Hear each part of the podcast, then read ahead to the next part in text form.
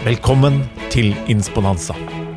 Hver uke vil vi få besøk av Norges beste foredragsholdere. Det alle gjestene våre har til felles, er at de er her for å inspirere deg, og at du kan booke de på athenas.no. Jeg er Sigurd Granmark, og jeg er programleder og konferansier for konferansen Insponanza. Mer informasjon og billetter finner du på athenas.no. Velkommen til Insponanza. Dagens gjest er Jeg må i hvert fall si, jeg skal ikke si bedre eller uh, vekte de mot hverandre, men han er helt annerledes enn gjestene vi har hatt her tidligere i Insponanza. For når man eh, snakker med folk som eh, har vært der tidligere, så har man snakket om kultur, man har snakket om inspirasjon, man har snakket om endring. Men ene, den ene forelesningen, eller foredraget jeg fant, fant uh, som dagens gjest, Pål Grøndal, holdt i Trondheim i fjor, det på Trondheim folkebibliotek, det het 'Hvem er det som dreper, og hvorfor'? Så Pål Grøndal, velkommen til Insponanza. Takk skal du ha. Hvem er det som dreper? Eh, jeg kunne nesten snu det på hodet. Er det noen som ikke gjør det? Ja, jeg kan, jeg kan gjerne forbedre spørsmålet mitt til å si eh, Har vi alle et potensial til å drepe? Ja, det har vi. Mm. Vi kan jo starte med det som er legitimt. Det er jo å være soldat og dra ut i krigen.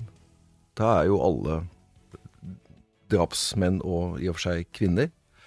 Så, så det med å drepe, det er liksom noe som vi har holdt på med siden tidenes morgen. Jeg tror vi gikk tilbake til en hule i Spania for 400 000 år siden. Da fant man et uh, kranium hvor, hvor rettsmedisinere sa at dette her er en person som trolig er blitt drept av noen.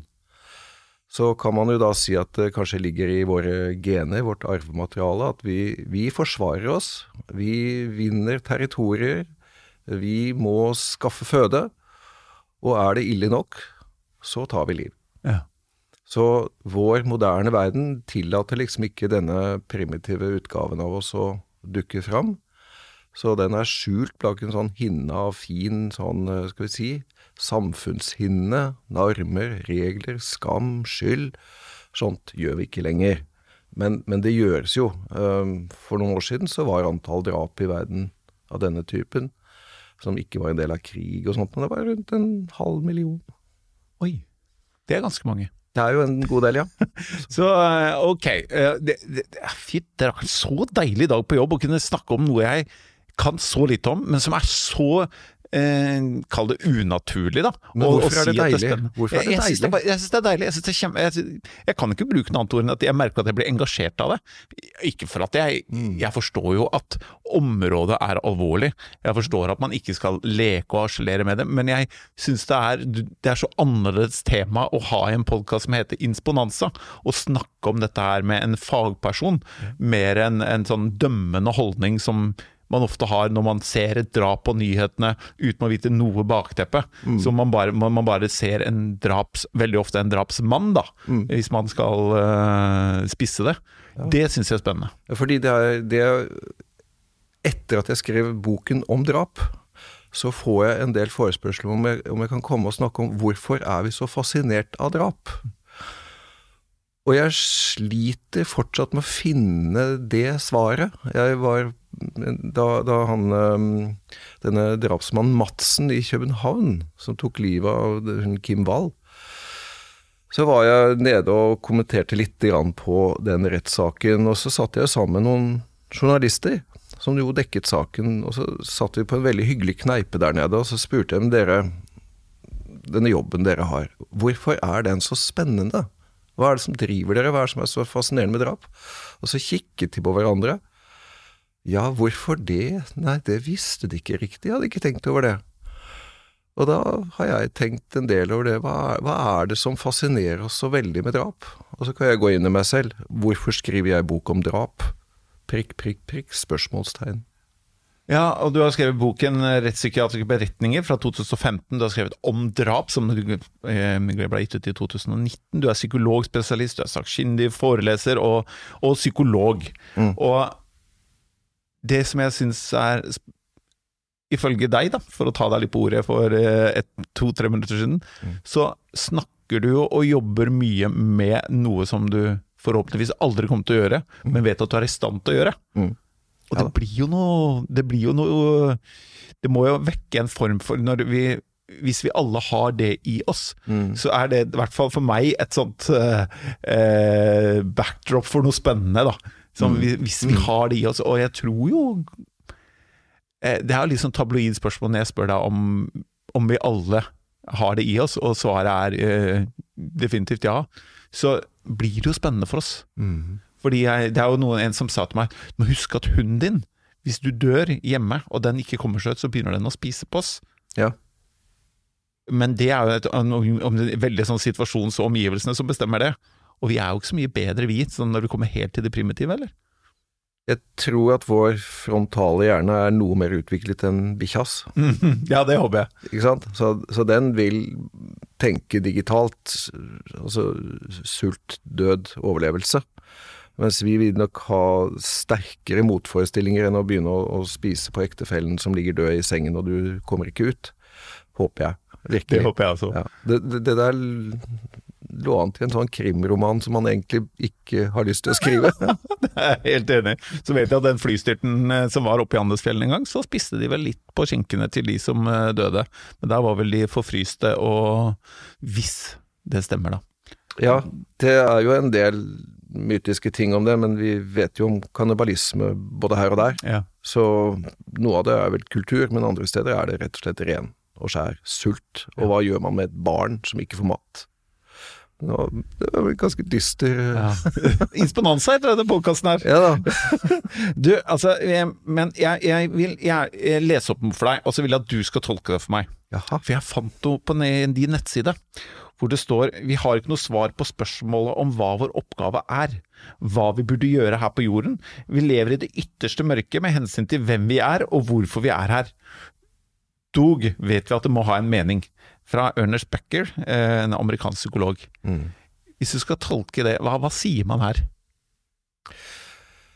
Altså, for meg så betød det at livet er et stort spørsmålstegn, og at vi mennesker er relativt utviklet kognitivt. Kognitivt er et veldig lite sexy uttrykk som betyr egentlig hvordan vi tenker, hvordan vi husker, hvordan vi øh, resonnerer. Sånn at vi er nok øh, i stand til å reflektere over at jeg finnes. Og Det er liksom Descartes, ikke sant. Jeg tenker, altså er jeg, og, og alt det der. Jeg er ingen filosof, jeg skjønner ikke filosofi. Men jeg tror det har noe med at vi, vi sliter hele tiden i, i gode eller dårlige øyeblikk med å finne ut hva er hensikten, utover bare å, å spise og leve og dø. Eh, Så for meg var det et ganske sånn fin måte å, å, å stille spørsmål ja, hva, hva er hensikten da? Og så kan man stille spørsmål er det noen hensikt?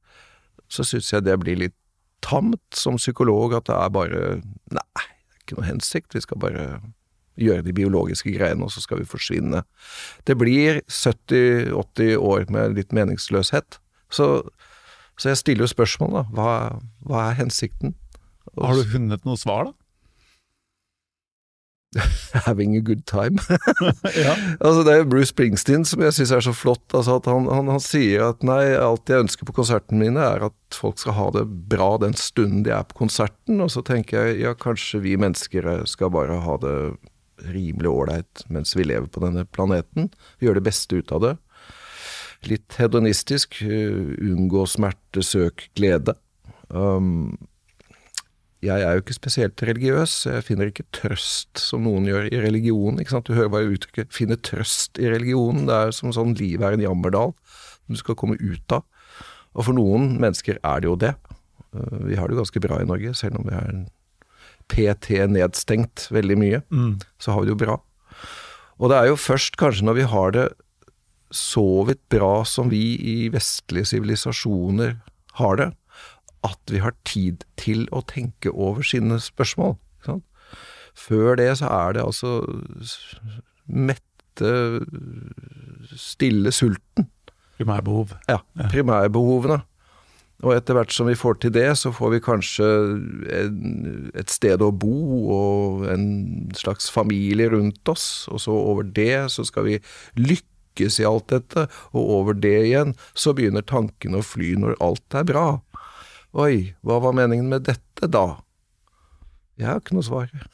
Nei, og eh, kanskje livet er en lang Eller meningen med livet er en lang Bruce Springsteen-konsert, da. At vi skal akseptere det og ha Jeg vet ikke, jeg tror folk kommer til å stille dette spørsmålet mange hundre år etter vi lever. Men eh, man, jeg tror jo det at eh, jo bedre velstand man har rundt seg i det landet eller samfunnet man lever i, jo mer tid har man til å begynne å lete, i hvert fall. Det, jeg, er ikke noe psykolog eller psykiater, men jeg har lest nok til at man, man, man har tid til å bruke, eh, sende tankene på en del problemer som kanskje mange andre hadde ønska at de hadde. da. Sånn, eh, det er lenge til de kommer dit. Ja, og kanskje nå i tider hvor vi skal liksom isolere oss og, og, og sånn, så blir det jo veldig mye tid til overs, da. Med mindre man uh, kaster seg over en eller annen tvilsom Netflix, HBO serie, bare for å unngå de tankene, som kan bli for en del veldig påtrengende og veldig plagsomme.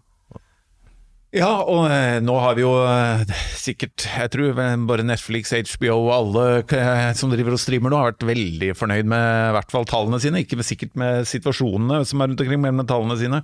Og det er true crime, da. Mm. Eh, altså det Rettspsykiatri, det, det du jobber med, og det true crime-begrepet. Hva, hva, hva, Merker du at det har vært en endring på det de siste årene? Interesse for feltet og den biten der? Ja, jeg har ikke forsket på det. Og det er sånn typisk tidligere forskere sier, jeg har ikke forsket på det, men Og det er vel en kolossal økning i interessen for uh, det som man på norsk vil kalle virkelighetskrim, da. Uh, og jeg nesten syns at det er blitt litt sånn uh, litt vel mye noen ganger.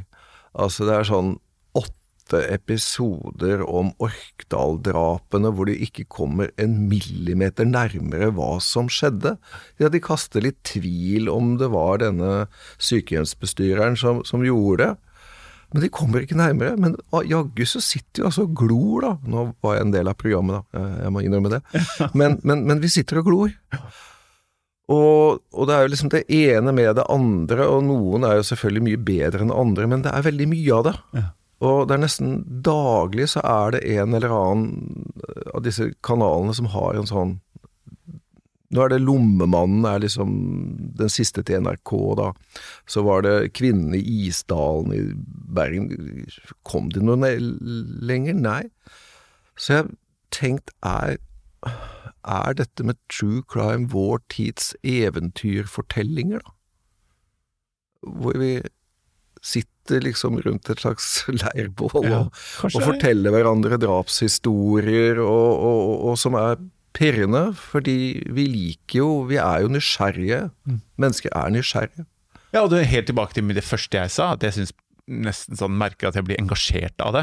Ja. Eh, også for at det er veldig Når man har gjort en eh, rekke podkaster, så er det deilig med helt andre gjester. Det er jo derfor man blir engasjert.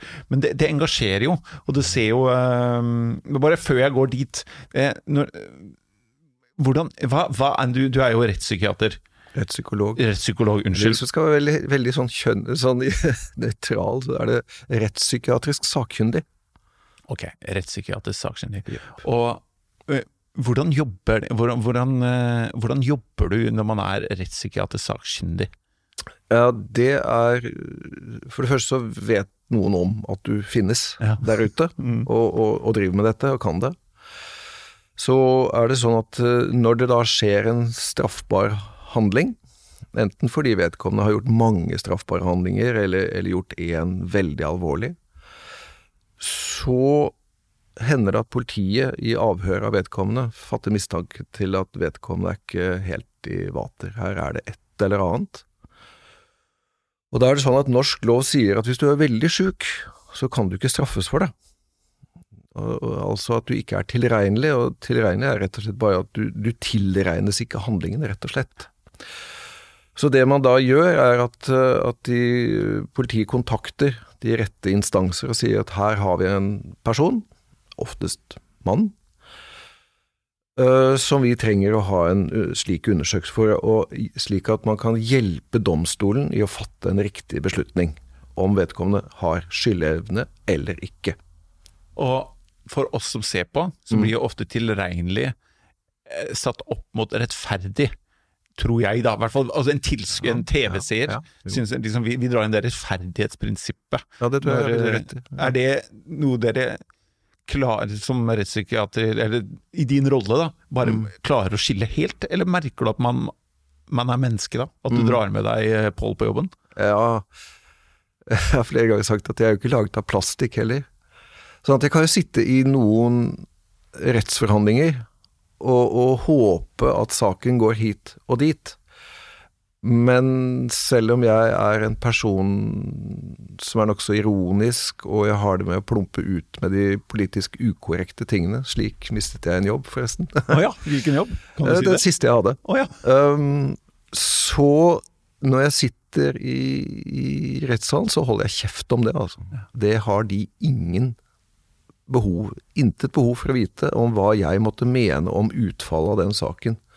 Men jeg har jo mine meninger noen ganger, og jeg tror du har veldig rett i akkurat at selv når det gjelder tilregnelighet og sykdom, mental sykdom, som jo ofte ligger til grunn til at du ikke er tilregnelig, så ligger det også en rettferdighetssans over det. Og det var jo veldig tydelig under 22. juli-forhandlingene. Da de første sakkyndige paret skrev, de mente at eh, Breivik var psykisk sjuk og utilregnelig. Det utløste jo en kaskade av motforestillinger. Og jeg tenkte at dette overgår nok det mer saklige. Her leter man etter muligheter til å forklare at denne mannen var tilregnelig. Hvorfor det? Jo, fordi han vil vi skal straffes.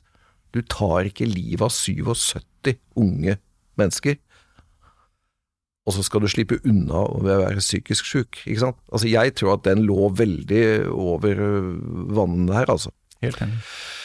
Så da fikk vi jo to nye sakkyndige, som jo selvfølgelig kan lese aviser og høre på hvordan strømningen går. Jeg skal ikke påstå at det var derfor de fant det nye funnet, nemlig at han var tilregnelig. Men det lå jo en føring der, da. Ja. Og, og, og kanskje var det riktig. Vi har vel ikke sett at Breivik senere er blitt akuttinnlagt i psykisk helsevern veldig mange ganger. Nei. Så kanskje var det helt riktig det som de siste kom til. Men jeg har også tenkt at de første sakkyndige de så en veldig drevet mann, som nå var nærmest høy på sine handlinger, og da kan du lure på hvor snublende nær var det utilregnelighet. Og hva er utilregnelighet? Utilregnelighet er at du rett og slett ikke kan stå til ansvar for dine handlinger. Um, du har ikke skyldevne fordi at du, du, du foretar deg ting mens du er sjuk. Og hvis du enten er syk, eller om det Jeg vet ikke om det er nedsatt øh, øh, følelsessenter i hjernen er, er det noen trekk ved draps... øh, sier man drapsperson? Drapsmann? Hva, Ja, vi, Er det kjønnsnøytralt? vi, ikke, vi har ikke helt klart å gjøre det kjønnsnøytralt. Det er jo drapsmenn, men Ja. det har jo også noe med at det er en skjevfordeling. Det er ni av ti som tar liv, er menn. Og det er et robust funn, både i Norge og i andre land. er det testosteron? Menn er nok mer biologisk brutale enn kvinner, ja. Og menn har ikke samme evne til å verbalisere seg, det skulle man kanskje ikke tro man hører på oss to nå, men, men, men sånn på gruppenivå så er det nok slik at menn er tausere, og de handler mer. Vi ser jo også det på selvmordsforekomst, to av tre er menn, fordi de også velger mer brutale og bestemte metoder. Så da, når de har bestemt seg, så skal det skje. Så ja, det er nok noe testosteron, og det er noe mangel på ord, og, og det er nok også noe med at det er også menn som blir sendt ut i de tøffe yrkene fortsatt. Det er også fortsatt slik at menn er, er soldater, ikke sant. Så, så det er en blanding av, av um, biologi og kultur og sosiale. Men ser dere noe Ser eh, enten du, da, men sånn som i Om drap, eh, eh, og den eh, forelesningen jeg eh, viste til, da, hvem er det som dreper, og hvorfor? Eh, men ser du da Kan man nesten gi noe sånn Hvis du hadde fått en skanning av eh, 300 hjerner lagt foran deg nå, og så skulle hadde jeg sagt Kan du se hvem som har størst prosent sjanse for å drepe? Er det mulig? Er det, er det noe, Nei. noe funksjonsnedsetninger? Nei. Nei, da hadde vi, nok begynt med skanninger. Ja. Men det gjorde man jo på 80-tallet. Da var det en som Altså, John W. Hinckley jr. skjøt Ronald Reagan. eh, som da var nyvalgt president. Og det var for at han bare ville påkalle skuespillerinnen uh, Jodie Fosters oppmerksomhet. For han mente at de hadde en kjærlighetshistorie. Det var bare at hun var ikke klar over det Ja. i hans hode. Så hvordan skulle hun bli klar over det? Jo, vi skyter en amerikansk president. Da glir du ut av, av glemselens skyggedal, og så blir du veldig kjent. Og han ble kjempekjent. Og i USA så er det sånn at hver av sidene, forsvarerne, har sine sakkyndige, og aktoratet har sine sakkyndige. Og da var det en der som, som sa at min CAT-scan var helt avgjørende for min schizofrenidiagnose av John W. Higley jr. Hvilket betød at man for godt over 20 år siden eh, så mer på slike bilder enn det vi kan gjøre i dag. Så det var jo helt tull og tøys. Så vi kan ikke ta en skanner og si at oi, hupsi daisy, her har vi kanskje en potensiell drapsperson. Fordi vi vil finne uh, La oss si at vi tar 300 stykker, da, som du sa. Så vi vil finne mye rart oppi der. Vi vil finne større ventrikler, altså, altså hulerom, naturlige hulerom. Noen vil ha veldig store slike hulerom, noen vil ha veldig små. Du vil finne skjevheter, såkalte anomalier, altså, altså ikke-normale funn. Men du kan ikke forutsi en, en skvatt. Altså, jeg tror det eneste vi, Hvis vi skulle si noe som kunne gjøre deg at du muligens er i en høyere risikogruppe, det er om det er større skader i det vi kaller frontallappen. Og den har jeg vært innom noen ganger. Og, og, og er, det er liksom der tenkningen, resonneringen, begrensningen foregår. Hvor du sier at ja, jeg har lyst på kake, men jeg kan ikke grafse til meg den nå. Jeg må vente litt. Til mamma sier ja. Sånn at hvis det er store skader der, så kan du være nokså impulsstyrt og ikke ha motforestillinger til dine handlinger. Men det er veldig mange som har en del skader i hjernen som aldri, aldri tar liv. De færreste tar liv, selv med store skader i hjernen. Og det skal vi være glad for. ja, heldigvis. Mm. Eh, eh, nå når vi er i, eh, i mars 2021, så er det en sak, eh, ganske kjent sak, gammel sak, som har blitt gjenopptatt. Å ja. Eh, hvis det er greit jeg, jeg vet ikke hvor mye du vil gå inn på enkeltsaker, du får bare svare og avfare meg som du ønsker. Jeg får prøve å la være plumpet med ting, da. Ja, altså, ja eh, hvis du vil beholde jobben, så har jeg forstått at ja, det er Det hadde lurt. vært fint å ha et rykte etter dette her. Det er det fine med podkast. Hvis du føler at du har plumpa, så kan vi si fra til Morten, og så klipper vi det ut. Baneheia-saken har blitt gjenopptatt. Eh, dine betraktninger på den saken, den er jo Det går nesten ikke an å ha vokst opp i Norge de siste 20 årene uten å ha et forhold til den. Nei, så får jeg ta utgangspunkt i det du sa helt til begynnelsen, men man, man blir jo litt trigga av det. Jeg blir det. Mm. Uh, nettopp fordi Altså, jeg ble spurt ja, hva, hva, hva tenker du om det? At nå har gjenopptakelseskommisjonen sagt at denne saken kan prøves på ny. Det ble sagt under dissens, da riktignok. To mot tre. Um, så ville jeg sagt for fem år siden ville jeg sagt fat chance. Ikke tale om Altså, du har rett person, ville jeg sagt, i det fengselet. For han var jo det vi kaller en moduskandidat. Altså tidligere mistenkt for seksuelle overgrep, øh, impulsiv, nokså forstyrret einstøing. Altså veldig mye som stemmer overens med en som er litt utafor. Um, men selv om det er utafor, så er du ingen drapsperson. Men, men det var liksom så i tiden at det virket så overbevisende.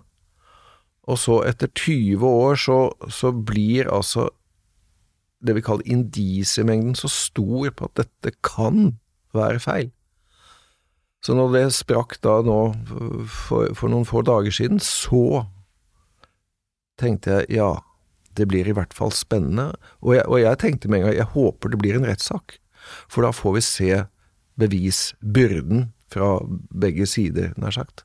Så, så Så det kom jo som en liten overraskelse eh, for fem år siden. Total.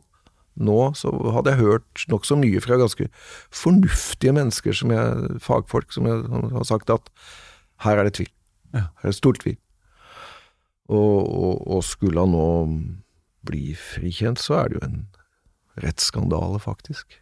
Ja, og ja, jeg, når det gjelder tvil, så jeg hø- har jeg hørt litt igjen. Det er jo podkaster om alt mulig rart. Jeg har hatt med meg denne podkasten om Baneheia-saken på noen skiturer, og i den gjenopptakelseskommisjonen, er det det heter, så var det vel eh, to mot tre, pluss at lederen av den var av eh, mindretallet. Ja. Så den eh, jevnere kan vel ikke ha blitt. Hvis det ender med frikjennelse, eller hva skal til for at det ender med frikjennelse? Er det bare at det er det minste tvil? Nei da.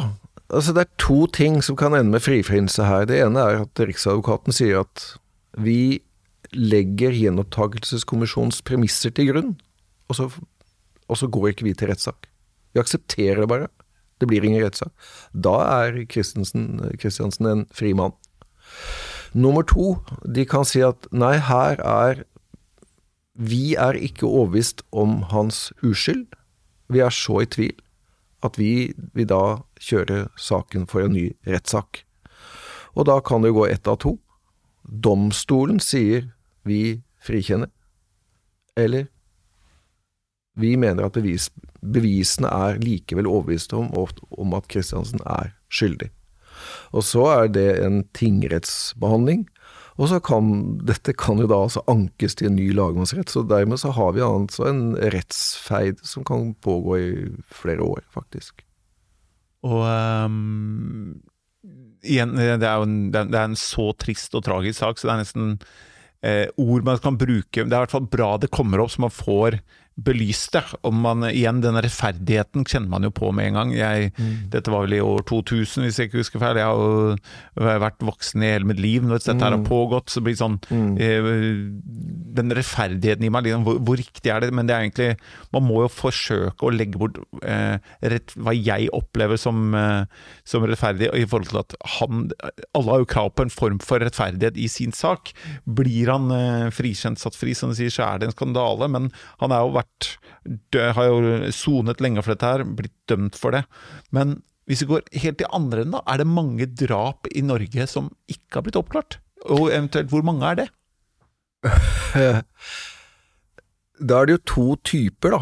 Det ene er de uløste, kjente drapene. Ikke sant? Birgitte Tengs-saken, for eksempel. Eh, der er det jo noen, men det er ikke mange. Men så har du jo da de som er litt skumlere. Det er de drapssakene hvor du ikke vet at det har skjedd et drap. For eksempel så har jo rettspatologer vært bekymret for en del saker hvor det er barn, små, små barn, hvor man delvis av, i perioder av økonomiske årsaker ikke obduserer alle, fordi det koster mye. Og noen vil jo ha gått under radaren. Eh, Noen har eh, såkalt mistenkelige dødsfall, hvor du ikke går videre med saken.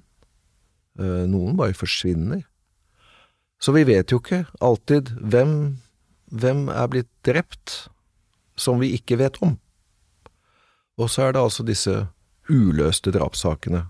Vi hadde jo Thomas Quick for en del år siden, som jo etterlater seg en, en skare av uløste drap fordi han tilsto. Det var vel godt og vel 1-32 drap han tilsto, men han var dømt for åtte av dem. Og, og da er jo mange slår seg til ro med at endelig nå ble jo gjerningspersonen i hvert fall tatt, og vi kan gå videre. Vi etterlatte kan nå gå videre i livet. Og så viser det seg at det hele er et falsum, det er bare tull, det er falske tilståelser på en rekke og rad. Det er en kjempespennende sak, det som skjedde med Kvikk. Men det etterlater også da i hvert fall åtte domfellelser. Åtte ofre hvor man altså ikke vet hvem gjerningspersonen er lenger. Og det er åtte der i det tilfellet. Og jeg har jo øh, fulgt den saken. eh, så på selvfølgelig distanse når man er, ikke er, eh, har tilgang til eh, nok eh, saksinformasjon. Men eh, er det fortsatt Nå er dette mange år siden, det også. Eh, men når du ser den eh, Therese-saken på Fjell, da. Ja. Eh, er det en fare for at ønsket om å oppklare drap kan gå utover rettssikkerheten til det mistenkte? Ja, Ja. det er det absolutt. Um, og det er noe som er blitt påpekt veldig kraftig fra flere fagmiljøer som forsker på etterforskning og avhør. Så er det jo en, i noen saker et veldig sånn etterforskningspress om at denne saken må løses. Hvor um, målet hellige midler. Og det er klart at det finnes jo noen saker hvor det er groteske måter å avhøre folk på. Altså Da, da, da kutter jeg tortur, for det er liksom så bizarr Altså det er så hinsides. Men jeg har sett um, avhør av 15-åringer som til slutt sitter og hylgriner. Fordi både avhører og vedkommendes sosialarbeider til og med sier at nå, nå må du snakke, nå må du si ifra, nå må du tilstå, og så skal du få lov til å gå hjem. Ja. Og vedkommende har ikke noe å tilstå. Og kjenner på større og større det vi kaller kognitiv dissonans, altså splitt mellom hva som er sant og hva som ikke er sant. Skal jeg da tilstå noe som jeg ikke har gjort? Og denne ungen hyler og skriker og, og er helt fra seg. Og sier jo til slutt ja, det var jo meg da. Jeg husker ingenting, men jeg, det var meg. Og så viser det seg seinere at vedkommende hadde ikke gjort det. Og sånn har vi også sett at uh, avhørsteknikker har medført at folk har tilstått. Uh, og det er en falsk tilståelse, altså fremtvunget falsk tilståelse. Og så har du også frivillige falske tilståelser, hvor er det en hundre stykker som har tilstått drapet på Olof Palme, da? Stikker innom og tilstår et lite drap. Um, nå var jeg ironisk, forresten. Eh, ja, ja. Uh, så der har du den frivillige falske tilståelsen, mens i, i, i, i, um, i andre saker så er du altså påtvunget. Altså at uh, vi vet jo at det er deg, vi har DNA-spor, vi, vi vet det, nå er det bare å tilstå. Og så tilstår folk, uh, selv om de ikke har gjort det. Og det har jo skjedd mye med avhørsteknikker, sikkert, antar jeg, som det har gjort med alt mulig annet. Det er jo en utvikling siden en del av disse sakene, som både Thomas Quick og Baneheia-saken, som eh, er mange år gamle. Men, eh, så man snakker jo at avhørsteknikken har utviklet seg, men da, man prater jo ofte om at vi har blitt bedre. Og så syns jeg ofte når vi snakker om disse eh, påtvungne tilstående, så snakker Opplever jeg, nå kan du bare si det, at vi ofte snakker om de andre. At dette er sånn som foregår i andre land, eller mer eh, Ja, på andre kontinenter. Det er liksom langt unna. Men skjer dette i Norden, Skandinavia, Norge også? Ja visst, det har skjedd. Um, vi har en rekke saker hvor, hvor uh, avhør er gått av sporet fordi, fordi man har hatt tunnelsyn. Uh, de har nærmest bestemt seg tidlig. En ikke helt ukjent uh, politioverbetjent, Asbjørn Raklev, gikk jo inn i, i drapsetterforskning for 15-20 år siden og fikk høre at uh, du Og han syntes jo disse avhørerne var så flinke. Så han spurte en avhører du, hvordan, um, hvordan får du det til? Han var kjent da, for å få til tilståelse. Og da fikk han høre at du må være erfaren, vet du. Jaha, så gikk det noen år, og så spurte Asbjørn Rakelev en gang til. Det samme. Ja, nå er jeg mer erfaren, men jeg syns liksom ikke jeg får flere tilståelser. Jeg bare Ja, må, må få enda mer erfaring, da. Og så har det vel egentlig vist seg at dette, disse som er liksom så veldig erfarne, de har, har hatt sine manipulative måter å komme inn under huden på folk. De har vært gode psykologer på en måte, men hvor de har fremtvunget en form for tilståelse basert på feil faktagrunnlag, manipulasjon, bli kjent med, bli venn med. Uh, bare du snakker med meg, så blir det bra. Må ikke høre på advokaten din. Det er mange måter å manipulere på. Og det har jo ført til at uh, politiet har fått en helt ny uh, måte å avhøre på, hvor du ikke skal fremtvinge noe. Og jeg har sett vært på seminarer hvor jeg har sett selvfølgelig de beste videoene, men, men, men veldig elegante måter hvordan man kan liksom åpne med fri forklaring. Hva er din versjon? Ja, og så kommer den frie versjonen, og så går man innover og innover og innover. Ja, men du, du, du sier at du var i den kiosken da. Men nå skjønner du at nå har vi noe sånn GPS-spor her som sier at du ikke var det. Du var et helt annet sted. Um, og da blir det jo litt tausere. Og sånn at man rolig resonnerer inn, og så har, jeg da, så har man funnet at ok, det, det var kanskje det var meg. Og med bruk av teknologi og sånn, så bør man jo sannsynligvis, da, kanskje teknologi kan eh, brukes til at man blir mer eh, rettferdig behandlet, eller at man kommer til korrekt beslutning. Mm. Men eh, fremover, da, Mm. kommer og du trenger ikke vise til noe forskning, altså. Dette er en uh, podkast som vanligvis er uh, veldig om inspirasjon og lettbent. Du Mm. blir ikke betatt på noe her. Kommer vi alltid til å drepe? Ja. Det tror jeg. Du, eh, bare for å bytte tema eh, lite grann. Eh, når vi snakker eh, så ikke jeg, vet, jeg har ikke sånn veldig Jeg er ikke blodfan av neste person vi skal snakke om, men jeg vil ikke dra den så langt at jeg setter den i samme kategori som de i, i Baneheim-saken og Thomas Quick og det der. Men eh, Det var litt jeg, en introduksjon til neste ja, jeg gikk på psykologisk.no, og så tittet jeg litt om deg der. Og der eh, så jeg at du hadde brutt et prinsipp om fjerndiagnostisering om Trump. Å gud, ja. Hvor, jeg, sitat, eh, journalisten skriver, Mm. eh, at du sa det jeg ser er en avgående president som er ekstremt selvsentrert, arrogant, løgnaktig og mani, mani, mani, manipulativ. Han eier ikke skrupler eller anger for noen av sine handlinger, og fremstår som en uempatisk fyr med svak impulskontroll. Ja, står for det. Ja, du står for det? Jeg står for det. Ja. Det er Vi var jo innom 22. juli-saken i stad, og da var jeg en sånn slags ekspertkommentator. Jeg syns ordet ekspert er litt sånn pompøst, men jeg var nå det, da. Og, og Oslo universitetssykehus syntes det var ok. Og, og det jeg da bestemte meg for, og som jeg sa fra til de mediehusene som ville ha meg, da Jeg skrev for Dagbladet, så var jeg, jobbet jeg for TV 2. Det er at du kommer ikke til å få meg til å si noe om denne mannens tilregnelighet. Du kommer ikke til å få meg til å si noe om denne mannens diagnoser. Hvorfor det? Jo, fordi jeg har ikke undersøkt ham. Og da syns jeg liksom det derre De der som satt på pinnen sin og vaglet rundt omkring og, og, og, og spyttet inn diagnoser Jeg tror vi kom til ni-ti forskjellige diagnoser på Breivik. Den artigste var kanskje syfilis. Uh, og da tenkte jeg at det er ikke nødvendig at jeg kommer med noen fjerndiagnose her. Han er tatt. Her sitter nærmest terrorpolitiet og, og passer på han. Han er under lås og slå.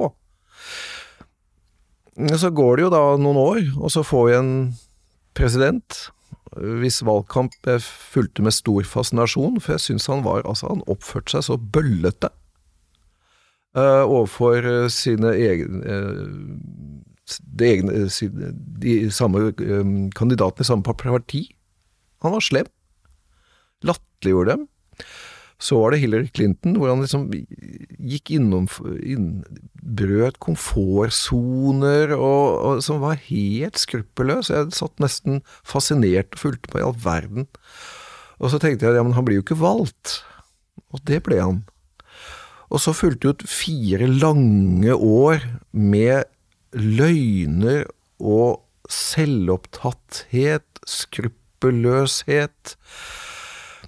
Og jeg tror omtrent hver eneste handling han gjorde, var sånn at det, liksom, jeg hadde stor motstand i meg. Jeg likte ikke noe av det han gjorde, omtrent. altså. Vi bygge denne muren mot Mexico, altså ah, Bare tull. Og så kommer da denne stormingen av Kongressen 6. januar. Og da fikk saktmodige Grønland nok. Altså, han er jo farlig, tenkte jeg. Og da tenkte jeg at vel, han er jo ikke undersøkt av fagpersoner.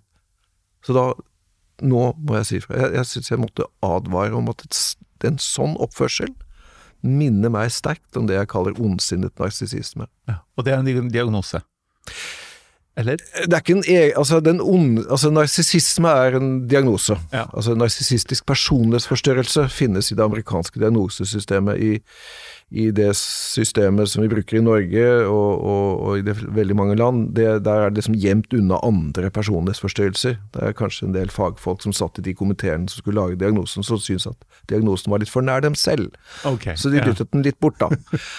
Men dette handler om selvopptatthet og ja. eh, ja. Storhetsfølelser, selvopptatthet, eh, svak empati, eh, utnyttende i mellommenneskelige forhold. altså Andre betyr noe for deg så lenge de er enige med deg. altså, altså, er, altså Trump er jo kvintessensen av det. ikke sant? You're fired, ikke sant?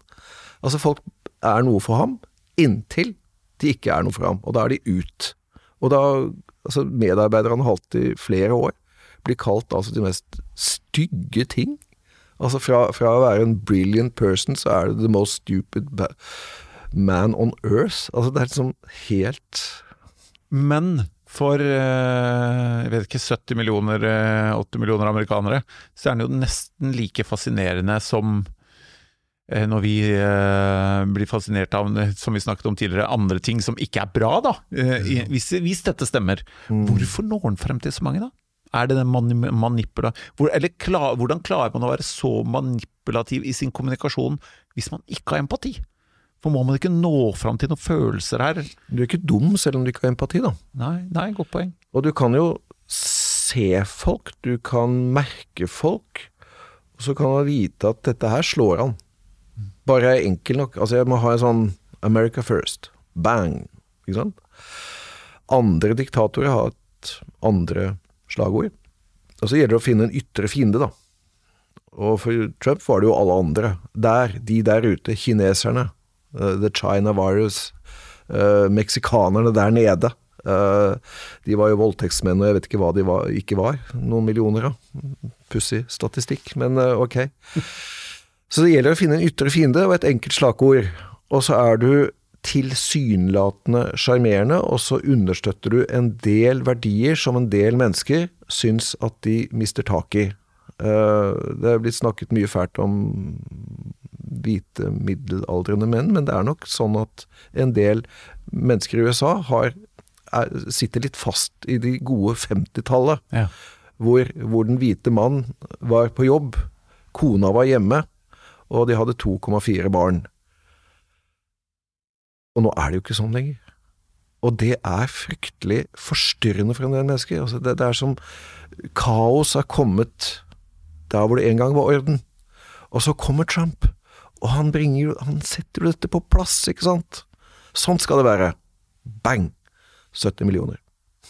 Nei, det er, det, er sånn eh, Jeg har en så en, eh, jeg, Med fare for å bruke feil ord, jeg har en fascinasjon for hvordan, når du som fagperson kanskje for første gang bryter de prinsipp, som det sto at det var, med fjerndiagnosering, og så har vi 70 Men gud så godt det er. Ja, ikke sant? Jo. Ja, og, eh, det, det, og man må bare få det ut, da. Men så har du 70 millioner som syns at dette er kjempefornuftig. Og som du sier, du, plutselig ser du bestemødre og fedre se opp Capitol Hill. Mm. Bare helt akkurat som det blir en sånn hjernevasking, da. Som, som, som er på en måte kommunikativt og en, eh, for, eh, som er, Det er verdt å bruke tid på å forstå, tror jeg, for å lære både hvordan kan man gjøre det på en bedre måte, hvis man vil få folk med seg, og da eh, hvordan kan man beskytte fremtidige, eh, ikke bare presidenter, da, men eh, maktpersoner fra å lykkes med det samme. Er det mulig? Historien viser vel at det er veldig vanskelig. Altså gitt eh, de rette betingelser, så kan de farligste individer få fotfeste. Eh, spill på misnøye, spill på fordommer, og ta noen minoriteter med i slengen, så er du der. Nå må vi få bort disse soperne. ikke sant? Altså, nå, nå er jeg homofil selv, da, så det, jeg kan si det. Uh, få bort jødene. Få bort dilettantene. Få bort uh, Rydde unna sumpen i, i, i Kongressen i USA. Altså, det er bare å sette noen ord. Det så man vel også uh, som, Det er flere kommentarer som, som sier at hvis du snakker om andre mennesker som dyrelignende saker, sånn som man gjorde i Rwanda, gå ut, drep kakerlakkene. Ja. så tingliggjør du det så mye, andre mennesker, at folk har lavere terskel for å gripe til de mest groteske handlinger, som massedrap. Og eh, vi, på grunn av tid, da, så kan vi ikke gå videre inn Altså Vanligvis heter dette her Insponanza, i dag ble det vel drapsbonanza eller eh, mordbonanza. Men jeg, jeg syns fascinasjonen at man kan Dette her kan vi, Din bakgrunn, da, det kan man dra så mye inn i, um, hvor næringslivet selv kan få lov å, å, lære seg å trekke en bro fra den dybdekunnskapen du har. Mm. Men Athena, som eh, vi representerer her, da, mm. begge to, de har jo deg i en eh, kall det foredragsstall. Mm. Hvor du sikkert kan snakke om annet enn en, en, en drap. Hva, hva, kan et, eh, et tema eller en oppdragsgiver, hva kan man eh, booke deg til? Hva, hva, kan du snakke om for enten næringslivet, det offentlige? Det, mm domstol hvor, hvor, eh, Hva er det, den lille skjulte skatten på Grøndal er, da, som folk kan booke? Mm. Nå er jo ikke jeg en liten skjult skatt, jeg er en tydelig, åpenbar, lysende nasjonalskatt. Apropos Trump. Um, da jeg begynte å studere psykologi, så var det en veldig kul professor som het Carl Erik Grennes. Og han sa på et kurs at hvis jeg blir spurt om å snakke om noe, så svarer jeg alltid ja. Jeg har vel hatt den målsettingen siden, men jeg prøver jo å overlate visse temaer til andre som kan det bedre enn meg. Men jeg snakker jo om veldig mye innenfor psykologi. Jeg kan snakke om det vi har snakket om i dag. Drap, årsaker til drap, rettspsykiatri, sakkyndighet, eh, kunnskap innenfor det feltet, eh, seksuallovbrudd, personlighetsforstyrrelse, ikke minst innenfor hvordan mennesker med personlighetsforstyrrelse kan forstyrre en organisasjon, og hvordan bør, man bør takle det. Vi kan snakke om uh, vitnepsykologi, ekspertise, beslutningspsykologi, altså hvordan er det vi beslutter ja, ting. Ja, veldig uh, viktig. Um, Ut ifra at mange slår seg på brystet og sier at jeg er så erfaren, og så kan jeg si at ja, men du er ikke med treffsikkerhet av den grunn. Um, veldig mye innenfor dette snakker jeg og jeg snakker ofte om det. Og hvis du vil at uh, Pål Grøndal skal uh, komme til din organisasjon og snakke om det, så går du på atenas.no, eller ringer til de flinke folka som sitter der og tar uh, telefon, og så tar de og setter deg i kontakt med Pål. Eh, Pål Grøndal, tusen takk for praten. Jo, selv takk, det var jo stimulerende. ja, det, altså, det, for meg var det en helt annerledes dag på, på jobb i podkasten Insperanza. Eh, jeg skal passe meg for hvilke ord jeg bruker, men mm. lærerik var det. Eh, at eh, du blir arbeidsledig har vi konkludert med at ikke du kommer til å gjøre. Og at vi alle er i stand til å gjøre de utroligste ting, har vi fått med oss. Mm. Men tusen takk for at du stilte opp i Insperanza. Mm. Selv takk. Hver uke vil vi få besøk av Norges beste foredragsholdere. Det alle gjestene våre har til felles, er at de er her for å inspirere deg, og at du kan booke de på Athenas NO.